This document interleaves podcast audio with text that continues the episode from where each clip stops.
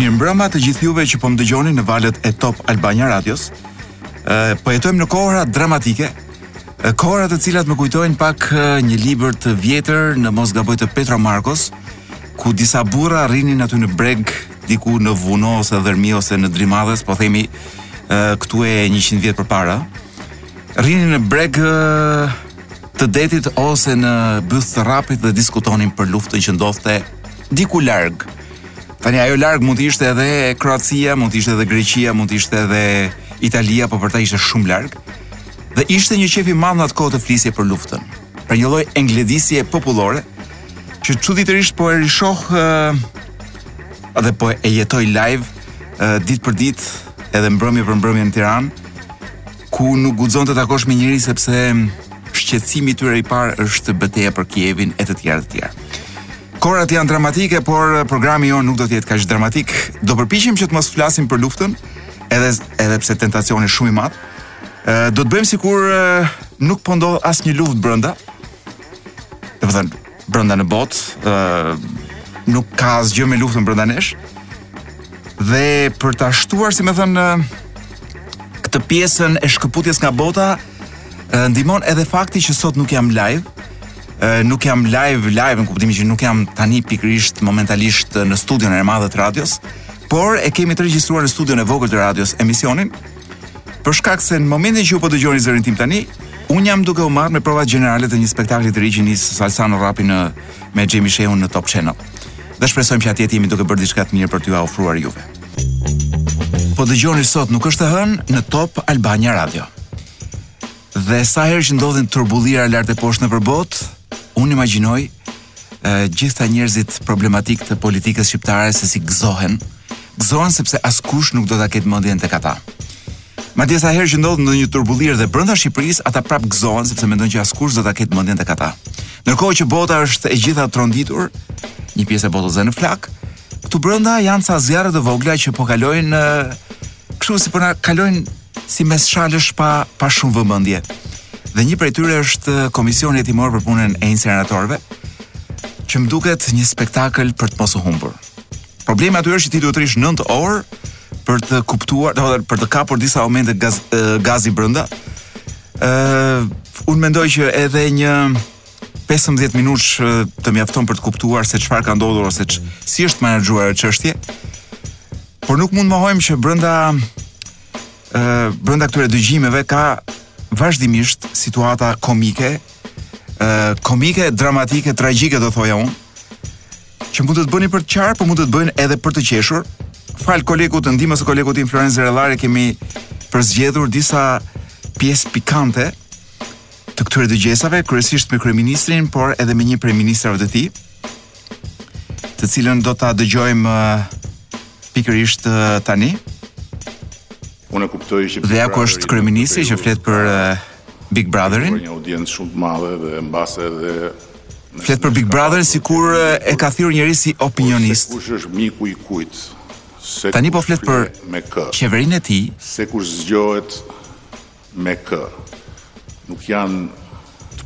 Pra qeveria e tij është si një Big Brother, po thotë kryeministri, por ne nuk mund ta dimë se kush bën çfarë.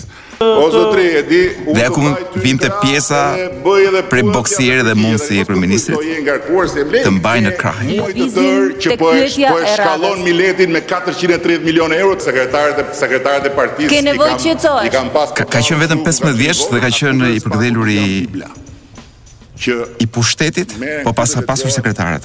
Sipas aritmetikës. Aritmetika e atij. Time. Mos më nxirr mua nga lëkura e shqiptarit. Se ndryshe të pik gjak. Rrezik, mund t'i bjerë me grusht.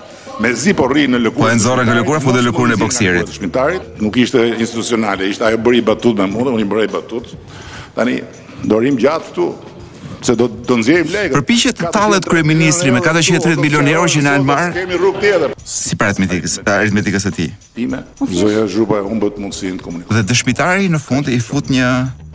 Ti hodhe Kreshnikun, gjithë atë kreshnik Sali Berishën e hodhe sikur s'ishte askushi, edhe s'po të thotë njeri e hodhe tani. Mik, këtë mik unë nuk e kam, s'e kam, ndoshta, nuk e di, e thashë, më ndjes. Po mirë mos, si mund të jesh krenar, më të tregoj unë krenarinë tani. Do më ngrite problemin e krenarisë, do të flas për krenarinë, se ma ngrite vetë. Jo më jo, s'ka nga ata tetë vjet, nëntë vjet, si tetë vjet, si tetë muaj, si tetë ditë, si tetëdhjetë vjet, Kush pra është një një logorre e vazhdueshme? Ka bishtin e qenit. Sipas aritmetikës. Ku kryeministri përdor vetëm referenca po, filmash, po, po, shkëputet nga biseda. Po pusho pra. Edhe vërtet. Zoti Rama, Zoti dëshmitar, pusho mos më thuaj mua. Ke atë zërin grricës popullore. Nuk mban më zëra. Përpunohen Me para. Nuk përpunohen pa para. Janë katërqind e tridhjetë milionë që mungojnë, por aritmetika e këtij nuk e nuk e përmban. Për krenarinë që ka për Sali Berishën. Me nder qofsh të mbaroj unë. Ju dëgjova. Dhe kalon dhe kalon te folku pastaj. Ju dëgjova. Këto edhe ata i bëjnë me seriozitet, jo kështu. Një kryeministër që thotë kohë, që po jep, që po. Lefter Koka ka familje. Para shumë pak vitesh, Prokurores së përgjithshme i thuaj lavire, o hedh hiret dhe po bën me kancer dhe punon, ose s'punon dhe s'ka hire. Tashi të lutem shumë se na shkatrrove. Nuk është kështu, merr hirin dhe hire në shtëpi, ti i ato dyzet e pesë milionshin tjetër që e nxore nga xhepi si me qenë nga si ato pllumat që dalin nga kapelet. Sipas aritmetikës time. Si ka mundësi zonja Tabaku që një person si ju të angazhohet në këtë lemeri Që është një analfabetizëm juridik i ushqyer politikisht. Kjo është të kesh të kesh shkulur spinën me turpin edhe të recitosh. Pra kur s'ka përgjigje. Sipas programit që ke. Ku ishe më në. Kur s'ka përgjigje. Zot. Ky quhet bullizëm. Pra njeriu që bullizonte deri tani ankohet, siç e dëgjuat, pra bullizonte non stop dhe tha, po bullizoni mua, masi ia tha, i tha je kadri, je kështu, je ashtu. se ti se bën se kështu. Befas doli që është i bullizuar. Shumë elegant do thoja unë edhe erotik është uh, ministri Ahmetaj, të cilin do ta dëgjojmë uh, Po mos të thash që si ja, po e të thash je lodh kjo gjithë ditën. Wow. Ka një zë të vojtë. Wow. Pra, po të lutem se këto pasthirrma tashi në mes natës, të lutem. Me qetësi tashi s'besoj. Mes natës. Dhe I vjen dhe për të qeshur në fakt me këtë që ka ndodhur dhe dhe bën dhe humore erotike.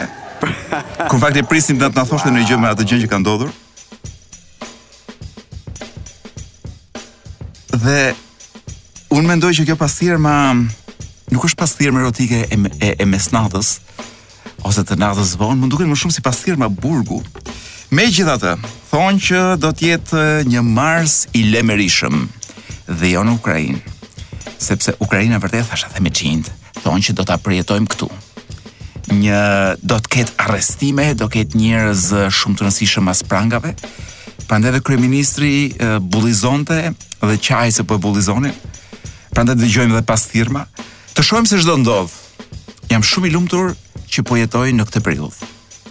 Dhe do t'i kalojmë gjithë bashkë dramat e kësaj epoke. Kemi mbërritur tani në pjesën që unë ndoshta dua më shumë në këtë program, që është pjesa e librit. Ju rikujtoj që sot nuk është e hënë, ju vjen në fakt është regjistruar në ditën që nuk ishte e shtunë, meqenëse unë nuk jam fizikisht tani në radio, emisioni ishte është i regjistruar, Dhe në dorë kam librin e Reginald Wyon mes shqiptarëve të veriut. E veçanta e këtij libri, unë isha nisur për të kërkuar një libër tjetër në fakt. Kur hasa në këtë libër, e thashë këtë libër do sjell. E veçanta e këtij libri që është shkruar në 1916-ën nga një anglez, me sa kuptoj. Ë, i cili libër ky i përkthyer dhe redaktuar nga Alfred Lela, dhe botuar nga një shtëpi botuese që unë herën e parë që e dëgjoj Geraldina Books, është një botim i vitit 2008. Pra është relativisht i lashtë. Kjo nuk nuk ia heq vlerën sepse është një udhëtar anglez nëpër malet e Shqipërisë së veriut dhe që jep pra rrëfen përshtypjet e veta. Po e filloj që nga që nga paraqitja, pra që nga hapja, që nga prezantimi, Sepse që këtu uh, do të njihemi pak me autorin dhe me çfarë kërkon ai në malet e veriut. Dhe filloj të lexoj. Reginald Wyon. Ky libër, siç thashë, mbi 100 vjeçar. Tashmë, kur është botuar ka qenë çik më pak se 100 vjeç. E lexoj. Faqja 7. Më duhet të pohoj ndershmërisht se i paragjykoja shqiptarët para se të ndërmerrja këtë udhëtim të vogël, të përshkruar në faqet vijuese. Ka zëra se ata janë me nam për pabe, për pabesi dhe gjakderdhje. E, megjithatë është me vënd të thuhet se fqinjët dhe armiqtë e vjetër të tyre, malazezët, janë përgojuesit më të mëdhenj. Shkova tek ata disi me frikë e dridhje. Ika me mendimin e fortë për t'u kthyer përsëri. Megjithatë, nuk është një përvojë që do t'ia këshilloja gjithkujt. Është e rrezikshme të udhëtosh në Shqipëri, nuk ka dyshim për këtë. Dhe njëkohësisht e domosdoshme të përgatitesh për një tur të tillë, duke qëndruar për pak javë në afërsi të kufirit të tyre. Pra, para se të sulmosh, pra, para se të hysh brenda, t'ia mësysh brenda, mirë është të rish matanë kufirit dhe të shohësh, kjo është ideja. Ë, një tjetër faktor i rëndësishëm vazhdoj lexoj është të qenit anglez. Ja dhe shpjegimi. Shqiptarët e vizitojnë vazhdimisht Malin e Zi dhe vende të tjera kufitare si tregtarë dhe shitës kuajsh. Është shumë e nevojshme t'i njohësh këta të fundit, pasi shpesh ata vijnë me tufat e kuajve nga zonat e rrezikshme rreth Pejës, duke përshkruar rrugë të gjata. Njerëz të tillë e pikasin menjëherë nëse je agjent politik apo thjesht një i pasionuar pas udhëtimeve. Një raport prej tyre do t'i shtojë sigurisë së udhëtimit në pjesët më të egra të Shqipërisë, më shumë se sa shpura e 50 nizamëve. Sepse në atë kohë kishte akoma ë uh, pra e gjithë zona ishte mm, po themi ishte akoma uh, periudha e pas perandorisë uh, otomane.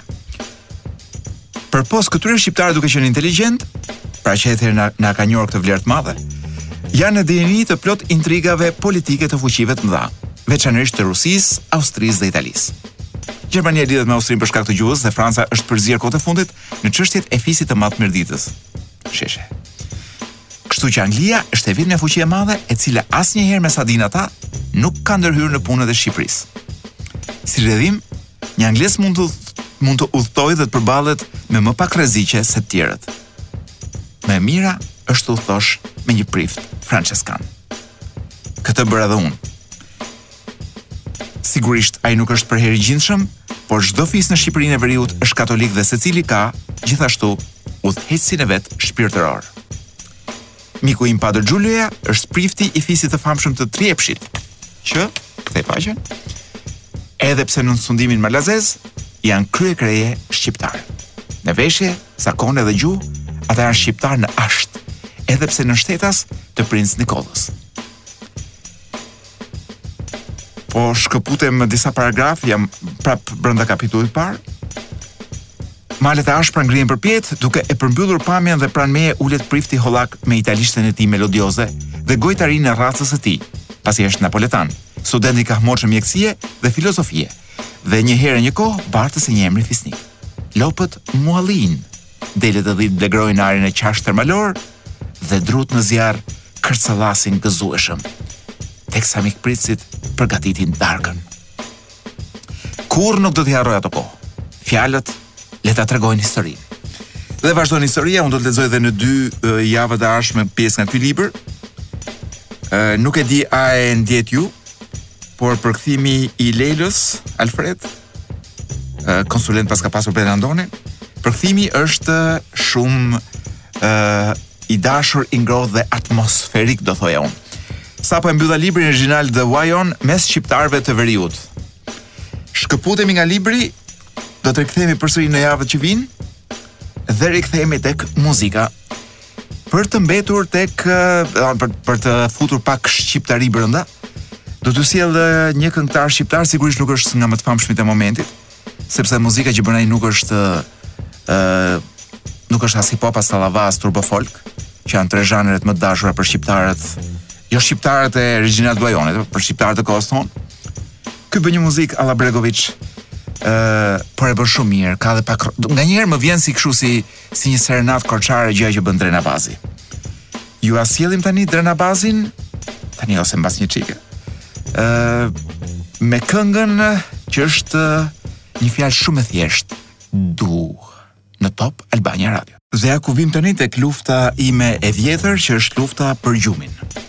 Ma ke kam, ju e dini shumë mirë që jemi në kohë në kohë luftrash, por unë mendoj që lufta më e rëndësishme për të fituar është lufta për gjumin, Sepse pandemia e vërtetë e kam thënë dhe duhet ta përsëris, pandemia e vërtetë që ne nuk e ndjejmë prej shumë e shumë vitesh, është ajo e pagjumësisë. Në qoftë se qenia njerëzore ndonjëherë do të eliminohet, do të eliminohet jo nga viruse, sepse siç e shihni edhe ndaj tyre mund t'ia dalim, por në qoftë se ne nuk arrim të vendosim një marrëdhënie të mirë edhe të shëndetshme me gjumin. Dhe sot do t'ju flas vetëm për disa gjëra të vogla për gjumin, kush fle, Dhe disa kuriozitet, kuriozitete po aq simpatike për ata që flen. Kush fle flen të gjithë praktikisht. Pra nuk ka asgjë në këtë botë që të mos flerë. Që nga bakteriet, edhe ku di unë peshqit, insektet, ë uh, uh, Buburrecat, amfibët, bretkocat, reptilët, dragonjt, kameleonët, breshkat, gjithë të tjerët, pastaj arinjtë polarë, karkalecat, çdo gjë fle. Çdo gjë fle në një formë ose një tjetër.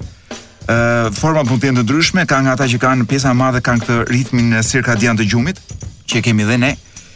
i cili mendohet që ka ardhur që nga disa qindra vjet, qindra milion vjet më parë.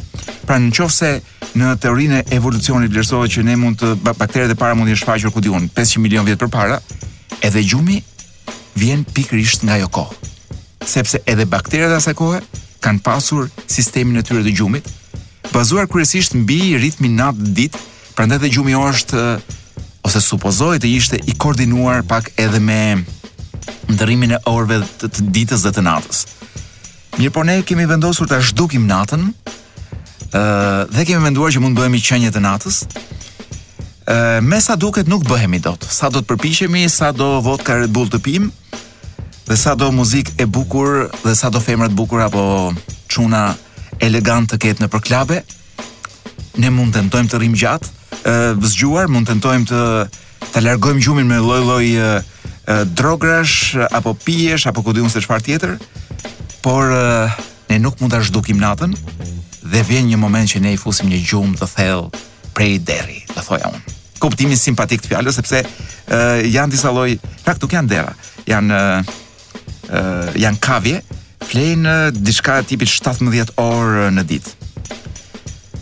Pra të gjithë flejnë, dikush të gjitha fjetjet janë të ndryshme, për shembull elefantët kanë nevojë për gjysmë për gjysmën e gjumit që kanë nevojë njerëzit, njerëzit kanë pak a shumë nevojë për 7 deri në 9 orë ë uh, gjumë ë uh, gjatë një dite dhe ky gjumë nuk zëvendësohet kurrë. do thosha unë. Duke parë në këtë librin që kam në duar, që është një libër për gjumin, ë nga një nga specialistët më të mëdhenj të gjumit në botë, po shikoja diçka shumë interesante që edhe e, balenat dhe delfinët flen. Po ju do thoni po si mund të flerë një peshk apo një delfin? pa rrezikuar që të, ku di unë, t'i ndodhë diçka në ujë. Ë, gjëja simpatike është që për shembull është vënë re që delfinët flenë me gjysmën e trurit. Domethënë, vën gjysmën e trurit në gjumë dhe mbas një periudhe kohe e zgjojnë atë gjysmë dhe vën gjysmën tjetër të trurit në gjumë. Dhe kjo është një cilësi që unë do doja personalisht që ta kisha edhe vetë. Ë, pra kur janë në në oqean të gjitha të gjithë peshqit dhe të gjitha kafshët e oqeanit, pra edhe gjitarët, si balenat flen. Të gjithë flen. Çështja është që vuajmë edhe nga pagjumësia. Këshilla që jep ky specialisti, që më duket se quhet Matthew Walker, është e thjeshtë. Konsultoni një specialist gjumi. Sado besim që kemi ne tek mjekët, mjekët e përgjithshëm, Ëh, apo edhe psikiatrët, ata sigurisht që dinë gjëra edhe për gjumin. Por e mira do ishte që në Shqipëri, më duket se nuk kemi, të, ki, të, të kishim të paktën një specialist të gjumit, një mjek i cili është vetëm për gjumin. Kjo do zgjidhte probleme shumë, edhe do të qetësonte shumë trunj, ose si thuhet trurë apo trunj. shumësi i trurit. Pra kemi shumë trunjër ë të shqetësuar dhe unë besoj që e kanë gjithë nga nga pagjumësia ë pa hyrë pastaj tek përdorimi i drograve etj etj. Çfarë na ka bërë që të jetojmë nga njerëz të cilët vuajnë psiqikisht, pra jemi të rrethuar edhe të menaxhuar dhe drejtuar nga njerëz që në shumicën e rasteve pagjumësinë e tyre o e shkaktojnë vetë me anë të drograve o përpiqen ta kurojnë me anë të drograve jo shkoni vizitoni një mjek gjumi diku në Itali dhe zgjidhni problemet tuaja të gjumit. Në pritje të ardhjes së një mjeku gjumi edhe në Shqipëri. Rikthehemi tek muzika. Javën që vjen do t'ju them diçka akoma më më me vlerë për e, për gjumin dhe për mënyrën se si duhet trajtuar gjumi, kurr me ilaçe, sepse ilaçet nuk e ndihmojnë trurin, ju këpusin, ju kapisin, po nuk arrin dot të kryejnë proceset, pra bllokojnë gjithë proceset që truri ka nevojë të bëjë gjatë gjumit. Kështu që edhe sikur të rrini 20 orë me sy mbyllur edhe të mpirë në krevat me ilaçe, të jeni sigur që nuk po flini. Truri juaj nuk po fle. Ashtu dhe. Kemi hyrë në orën e dytë të programit sot nuk është e hënë në Top Albania Radio. Një frazë që nuk e them kurrë, kemi hyrë në orën e dytë, por më duhet ta them edhe pak për referencë sepse ky emision është i regjistruar. Uh, është i regjistruar duke qenë se unë fizikisht në këtë moment ndodhem në studion e qesh mirë kush qesh i fundit uh, që është programi komik i Salsano Rapi dhe Xhemi Shehu që do ta sjellin shumë shpejt në Top Channel ku po ndihmoj si me thënë për të për të mbartur uh, uh, trarë, drunj, ku di unë gjithë gjërat e skenografisë, ëm um, dhe për të ndihmuar me çfarë ka nevojë për shkak për t'i dhënë uh, ujë dhe kafe dhe për t'i bërë çajin e nxehtë uh, moderatorëve. Pra jemi në orën e dytë të programit dhe është momenti ku unë zakonisht kam qejf të flas për një këngë. Sot dua të flas pak për një këngë, po më shumë për një këngëtar, sepse vetëm 3-4 ditë më parë na ka lënë uh, një nga personazhet uh, më simpatikë të rrokut është pak i dëgjuar Mark Lanegan. Unë e kam dëgjuar për së pari kur pra në kohën kur ky ishte këndonte me Queens of the Stone Age dhe më ka bërë shumë përshtypje zëri i tij. Mua më është dukur gjithmonë origjinal, po ata që janë specialistë pas arrin ta shpjegojnë që ë zëri i tij ishte shumë i veçantë dhe shumë i pasur ë me tonalitete të shumta kryesisht të të të, të po themi të muzikës së errët ë ose do thosha unë të, të asaj pjesës ë dark të të kënduarit por me sa duket tonalitetet e tij pas kanë qenë me një shtrirje shumë të madhe dhe ndoshta kjo pa e ditur më ka bërë edhe përshtypje dhe unë e kam dashur shumë kur ky ose kam pëlqyer shumë kur dëgjova një këngë nga ky, të cilën më parë kisha dëgjuar nga Nirvana, derisa kuptova që kjo kënga nuk ishte e Nirvanave, por për këngën do të flas pak më vonë. Kështu, ky Mark Lanegan, çfarë nuk ka hequr në jetë i ziu? Uh, 57 vjeç ishte mosha kur uh, uh, kur u largua. Uh, po themi nga ky realitet i hidhur. Uh, kisha lexuar që para një viti ishte shurdhuar nga Covidi, sepse e kish zënë dhe Covidi, gjë që ndihmoi atë që të shkruante dhe një libër pikërisht për për Covidin e vet dhe shurdhimin e vet, me një titull të tipit Djalli ka rënë në koma, nuk e di se çfarë. Që i vogël e kapnin dhe siç lexova në obituarin e tij në The Guardian, e kapnin dhe e fusnin brenda vazhdimisht policia sepse herë me droga, herë me alkool, vazhdimisht në moshën 12 vjeçare ishte vazhdimisht i dehur, Dhe pastaj sigurisht që e la alkoolin sepse filloi heroinën si një zotëri i vërtetë. Dhe me thënë të drejtën e filloi heroinën për t'u shkëputur nga alkooli. Dhe u shkëput nga alkooli, por i ngeli për një pjesë të madhe kohe kjo tjetra. Nuk arriti kurrë të kishte famën e Nirvanave apo të Soundgarden, Ëh, ndoshta sepse grupi i tij eh, Screaming Trees ishte plot eh, me me njerëz konfliktualë dhe kishin vazhdimisht sherre, derisa u detyruan ta mbyllin grupin në vitin 2000.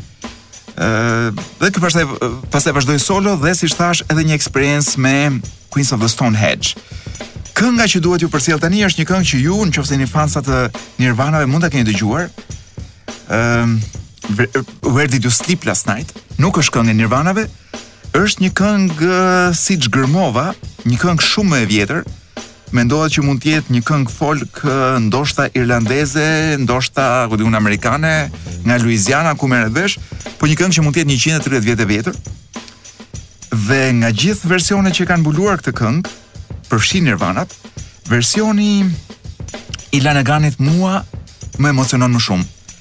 Aq më tepër kur mora vesh që në këtë version në kitarë ky kishte vetë ë kishte vetë Kurt Cobainin. Kështu që kënga me Kurt Cobain edhe me Lanegan brenda do t'ju vijë pas pak sekondash. Ju rikujtoj që ju po dëgjoni Top Albania Radio. Ju po dëgjoni sot nuk është e hënë në Top Albania Radio, një emision ky i bërë me regjistrim sepse unë në këtë moment gjendem fizik, fizikisht diku tjetër.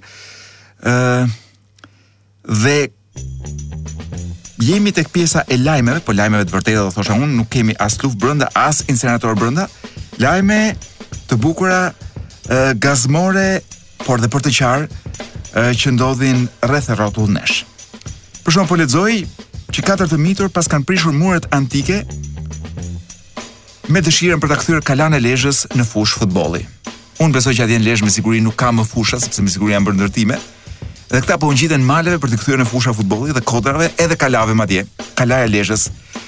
Dhe siç e ka thënë edhe vetë Gjergji, topin nuk jua solla unë. Atë e gjeta këtu mes jush. Te çunat e vegjël të Lezhës.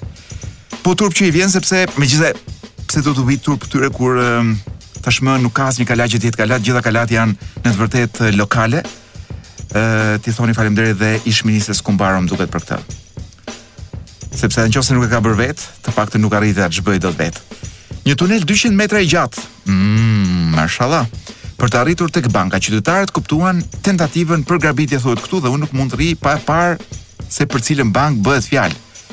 ë uh, nuk thuhet. Ja, kjo media që kam unë këtu nuk e tregon. Meqenëse bankat ju e dini që janë sponsor gjithandej dhe Imagjino media nuk ka kurajo as të thotë më se kush është banka që ka dashur të bëjë një tunel nga poshtë. Pra jemi në kohën kur informacionin do ta marrim prapë si në kohë të luftës së dytë botërore, ose duke dëgjuar Radio Londrën, e cila nuk besoj se raporton grabitjet e bankave në Shqipëri ose tentativat për grabitjet e bankave në Shqipëri, ose gojë me gojë dhe vesh me vesh, që në kohë Covidi ë uh, nuk është dhe aq e rekomandueshme. Unë e kam problem më shumë te veshët e njerëzve se sa te goja e njerëzve për të qenë i sinqertë. Pallat 7 katësh pa leje, thotë këtu gjykata lë në burg drejtoreshën seksi të bashkisë Sarandë. Po nuk më shqetësoi fare fakti që dikush është në burg se ka bërë një gjë. Më shqetësoi shumë fakti se një numër i madh mediash përdorën të njëjtën fjalë kyçe në gjithë titujt e tyre, drejtoresha seksi. Dhe unë jam i bindur që 99% e klikuesve të këtij lajmi në të gjitha mediat shqiptare kanë klikuar për parë sa seksi ishte apo nuk ishte drejtoresha. Sepse me vjedhje, grabitje, hajdutërira jemi mësuar tashmë, shqetësimi jonë i vetëm sot nuk është që ka njerëz që po e rrjepin dhe grabisin këtë vend, shqetësimi jonë është që pse nuk po e po na jepet dhe ne një shans për të rrjepur dhe për të grabitur. Pra pse na kanë lënë jashtë grabitjes? Ë uh, ata që s'e kanë dëgjuar ose lexuar lajmin, po jua shuaj kuriozitetin. Zonja ishte një zonjë shumë serioze, aspak seksi, paktën në foto që pashë unë. Pra ishte një zonjë serioze, po nuk gjeta asnjë element seksi që tregon që mediat na kanë gënjyer totalisht edhe për këtë element. Zoti Gësë që na u zgjedhka për herë të dytë guvernatori i Bankës së Shqipërisë, ë nuk më vjen asnjë gjë për Bankën e Shqipërisë. Unë habitem që ka një guvernator. Unë e dija që Banka e Shqipërisë deri dje, pra unë do informacioni im i gabuar sigurisht, ishte që është thjesht një ë është një si lloj parajse meksikane ku shkojnë gjithë të përkëdhelurit e parisë së Tiranës për të bërë pushime. Pra, e ku i rrasin në Bankën e Shqipërisë. Ëh, nuk e di nëse zoti GS ka bërë ndonjë gjë për ta zhbër këtë të pabërë që është bërë prej 10 vitesh në Bankën e Shqipërisë, por dyshoj se jo. Sepse a zoti GS, Gent Sejko nuk ka, ka nuk ka ato gjëra, ato dy gjërat e mëdha që duhen për t'iu kundërvënë politikës dhe për të thënë që këtu nuk mund të ketë miq dhe hatëre. Ëh, dhe ky dhe ky institucion nuk mund të jetë një kleptokraci.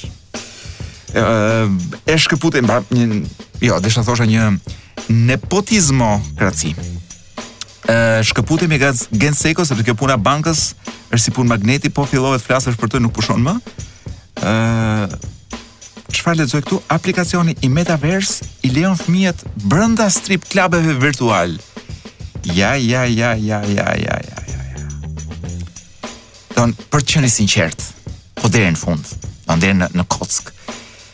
Un e vetmi arsye pse do ta përdorja këtë metaversën është në qoftë se këta do të ofronin një realitet, një Shqipëri virtuale e cila të jetë pa Ramën kryeministër dhe pa Veliajn kryetar bashkie.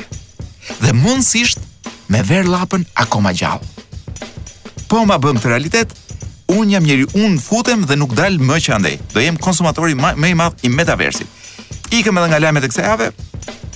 Do të rikthehemi tek muzika, çfarë kemi gati për ju? Ë kemi gati ja 1 2 3 4 5 6 7. Po. Kemi gati një Vasco. Do ka ardhur koha pikërisht për një Vasco nga albumi i tij i fundit. Një këngë dashurie e flakur tej. Una canzone d'amore, buttata via e dëgjoni pas pak. Ndoshta tani kush e merr vesh sepse unë nuk jam në radio pikërisht në këtë moment. Por gjithsesi po e dëgjoni në Top Albania Radio. Ju po dëgjoni Top Albania Radio, un jam Koloreta Zukali dhe sot nuk është e hënë. Dhe duke gërmuar nëpër vrimat e pafundme të internetit, nganjëherë fillojnë si vrima, por pastaj përfundojnë si vrima të zeza, ose bëhen gropa, derisa bëhen dhe tunele. Ë po duke gërmuar gjeta diçka që më më ngacmoi shumë sepse më erdhi shumë konkrete në realitetin tonë të përditshëm. Gjeta diçka për mikroagresionet. Mikroagresionet janë gjëra të vogla, ë të jetës përditshme, fjalë të thëna, ë dhe kryesisht përdoren pra përdoren në gjitha nivelet e shoqërisë dhe të marrëdhënieve, mund të ndodhin edhe brenda marrëdhënieve, madje edhe brenda marrëdhënieve të mira, pra çifteve që janë që e duan njëri tjetrin. Por kjo nuk do thotë që ata të mos kenë pak racizëm, seksizëm, ageizëm, që është mosha. Ëh, për shembull kur një po themi kemi një çift i cili është ka një lloj diferencë në moshë. ë po themi ajo vajza është ë 20 vjeç dhe ky burri është 50 vjeç ose e kundërta. Të gjitha batutat apo humoret që mund të bëhen nga njëra palë duke ngacmuar apo duke iu referuar ë moshës së vogël ose moshës së madhe të palës tjetër, Në të vërtetë janë një lloj mikroagresioni. Ë, uh, jo vetëm kaq, por kjo shtrihet në gjithë fushat e tjera. Ju mund ta keni parasysh që ka prindër të cilët ë uh, shpesh i thonë uh, i thonë njërit fëmijë që ti nuk e bëre këtë, kurse jot motër e bëri këtë. Pra edhe ky është një mikroagresion i vogël sepse ti i vë një barrë dhe e vë nën stres një person për gjëra që ndoshta ai nuk e ka as për detyrë që t'i bëjë, dhe duke e vënë edhe në konkurrencë me dikë tjetër, pra ka forma të ndryshme se si mikroagresionet mund të mund të zënë vend në jetën tonë të përditshme.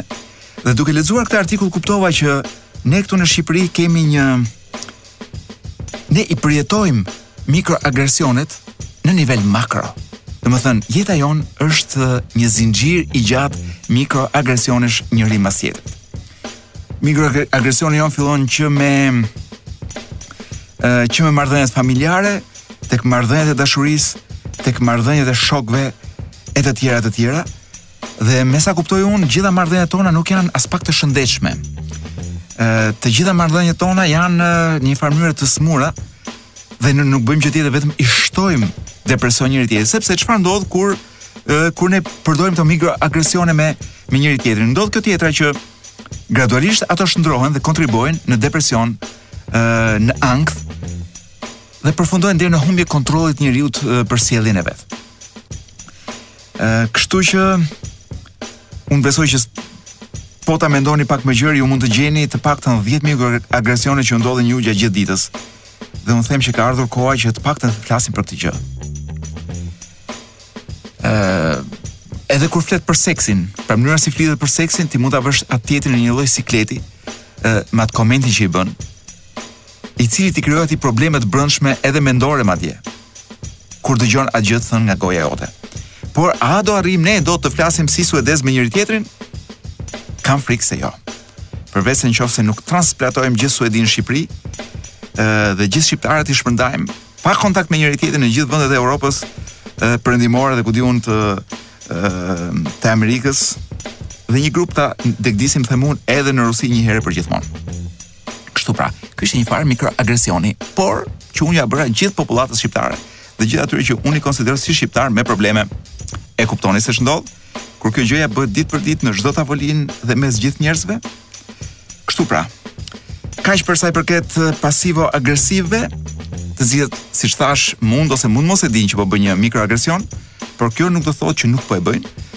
Shkëputemi nga tema dhe zhytemi ku do thoni ju. Do zhytemi në muzikë. Kemi përgatitur për ju një një version Ëh, unë do thoja të ripunuar për mendimin tim është i stilit bossa nova, po e kush jam unë për të përcaktuar zhanret dhe stilet e muzikave në këtë botë. Për të për të rikthyer një term të vjetër të një filmi shqiptar. E kush jam unë? Një copë gdhë. Kështu pra, këtë Back to Black, një nga këngët unë do thosha ikonë të Amy Winehouse, Meqenëse ra fjala ka vajza në Tiranë që quhen Amy, sepse mamat e tyre kanë dashur, ose kanë dashuruar Amy Winehouse, Uh, ky version i Back to Black ju vjen nga Eve St. Jones dhe unë shpresoj shumë që t'ju shijojë. Mos harroni po dëgjoni në sot nuk është e hënë në Top Albania Radio. Sot nuk është e hënë dhe ju rikujtoj që ky emision është i regjistruar. Pra, jam në studio vetëm në regjistrim, pra studion e vogël të radios, pa DJ Wizin, çka bën pothuajse të pamundur uh, ato tematikat uh, uh, seksuale që kemi zhvilluar gjithmonë unë nga njëra anë, pra unë në studio dhe DJ Wizi uh, me kuriozitetin e tij prej djaloshi të ri, pothuajse minoren nga ana tjetër, pra nga ana e regjisë. Kështu që do flas për diçka që edhe vjen te seksi, po edhe nuk vjen tek seksi. Do t'ju flas fillimisht për nostalgjinë. Ë, nostalgjia është diçka shumë e rëndësishme me sa duket në jetën tonë sepse po ndodh diçka e pamenduar ndoshta në pop kulturë. Po rikthehemi tek e shkuara. Është një fenomen që ju mund ta shihni sidomos në ekranin e televizorit, por po ndodh edhe përtej atij. Për shembull, unë po shikoja dhe dhe lashë punë të tjera për të shikuar Friends një mëngjes të shtune në televizor, po jo vetëm Friends, po shumë të tjera, uh, so, Sopranos, uh, uh, Gossip Girl, uh, The Matrix, edhe Princi i Bel-Air-it madje. Edhe Sex and the City, të gjitha janë rikthyer në një formë ose tjetër sepse me sa duket ne paskemi nevojë për nostalgji. Kështu që dhe për kënaqësinë time të madhe edhe Frasier me sa duket do të rikthehet shumë shpejt në e, një nga këto platformat streaming. Por dhe përtej e, ekranit edhe në botën muzikore kemi një rikthim të nostalgjive. Për shembull, një nga festivalet më të ndjekura në Amerikë e, në vitet e fundit Është një si biçim emo rock festival ë që titullohet kur ishim të rinj when we, when we were young. Ku marrin pjesë sidomos grupe që tashmë kanë dalë nga tregu, por rikthehen sepse kërkohen nga ata që nuk janë më dhe aq të rinj. Pra duan të rikthehen tek nostalgjitë e rinisë. Ë pra gjithë ata që janë gjenerata X apo millennials uh, janë gradualisht duke hyrë në të 30-tat dhe duke filluar nga këta e sipër, pra moshat sipër, bota e sotme na streson kaq shumë sa që kemi nevojë për shumë nostalgji. Dhe mënyra më e mirë është të rikthehemi në nostalgji në pop kulturë, sepse rishohim seriale që i kemi parë një herë, nuk kanë asnjë lloj surprize, nuk mund të na trembin, janë të parashikueshëm, por është një botë e dashur dhe e ngrohtë, një botë e mirë që sikur na vjen mirë të rrethohemi nga gjëra që që dikur na bënin të ndiheshim mirë. A është kjo një gjë e mirë apo jo? Po lexoja një një ese të gjatë në një revistë amerikane Town, Town and the Country ku një person shkruante për rreziqet e një nostalgjie me tepri. Sepse në qoftë se rikthehemi gjithë te nostalgjia, çfarë do ndodhë me artin tani? Pra në qoftë se ne nuk kanalizojmë uh, kohë, uh, por edhe para dhe energji në artin e sotëm, mund mos kemi më art, sepse arti ka nevojë për vëmendjen dhe për para tona që të mbijetojë dhe të krijojë atë që do jetë nostalgjia e ditës së nesërme. Kështu që për të mos mbetur me Friends-at edhe në 2050-ën, ndoshta do të duhet më pak nostalgji edhe të merremi pak me me atë gjeni të re që duhet krijuar dhe duhet bërë për të na bërë dhe ajo të ndihemi mirë. Sepse duke parë për 100-ën herë seritë e Big Bang uh, Theory për shembull, ë uh, a nuk është pak boring kur thonë këta kalamajt e e rinj që nuk dinë shqip? A nuk është pak e mërzitshme? Kështu që duke kuptuar nostalgjinë që ka një qëllim të caktuar në këtë botë shumë stresante dhe në këtë kohë të vështirë që po kalojmë. Ka një funksion dhe shumë të mirë madje, ndoshta duhet gradualisht të shkëputemi nga ajo dhe të kërkojmë diçka të re. Pra neve na takon të kërkojmë një botë të re, edhe të guximshme madje. Kështu pra. Dhe për të mbyllur, për ta mbyllur me Sex and the City, i cili po riluhet ë po, po luhen në fakt, po riluhet, por dhe po kanë dalë seri të reja të sezonit të ri, Katër vajzat, për ata që nuk e dinë, katër vajzat ë um, ikonë të viteve 90 të këtij seriali janë rikthyer tashmë në moshë të rritur për të rieksploruar botën seksuale, por me demek me syzet e të sotmes. Dhe gjëja e parë që bënë është që vranë aktorin kryesor. E vranë aktorin kryesor sepse ky ky burri që luante Mr. Bigun, që harrova dhe emrin, ë është përfshirë pak në këtë lëvizjen Me Too, por jo përfshirë në kuptimin e mirë të fjalës. ë është bërë target i lëvizjes Me Too sepse pa- paska qenë abuziv me aktoret, me njerëzit që punonte etj etj.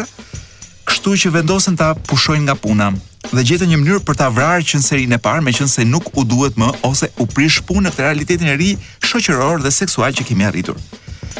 Problemi gjithashtu ngelet që për shumë vite, nuk e di për për 6-7 sezone, nuk e di sa ka Sex and the City i vjetër, ky ishte mashkulli ideal i kësaj Carrie Bradshaw. Kështu që sado që këta ta vrasin, këta nuk e vrasin dot atë serial të asaj kohe, që siç po kuptoj nuk ka lidhje fare me botën e MeToo-s dhe me gjithçka të re që po jetojmë sot. Dhe kjo është kontradikta. Ajo bota e ngrohtë që kishim sikur nuk përshtatet dot me këtë botën tonë të re. Ku MeToo është vetëm njëra nga lëvizjet në qarkullim. Kështu pra. Ë shkëputemi nga kjo lloj popkulture dhe rikthim tek tek këto nostalgjitë tona muzikore.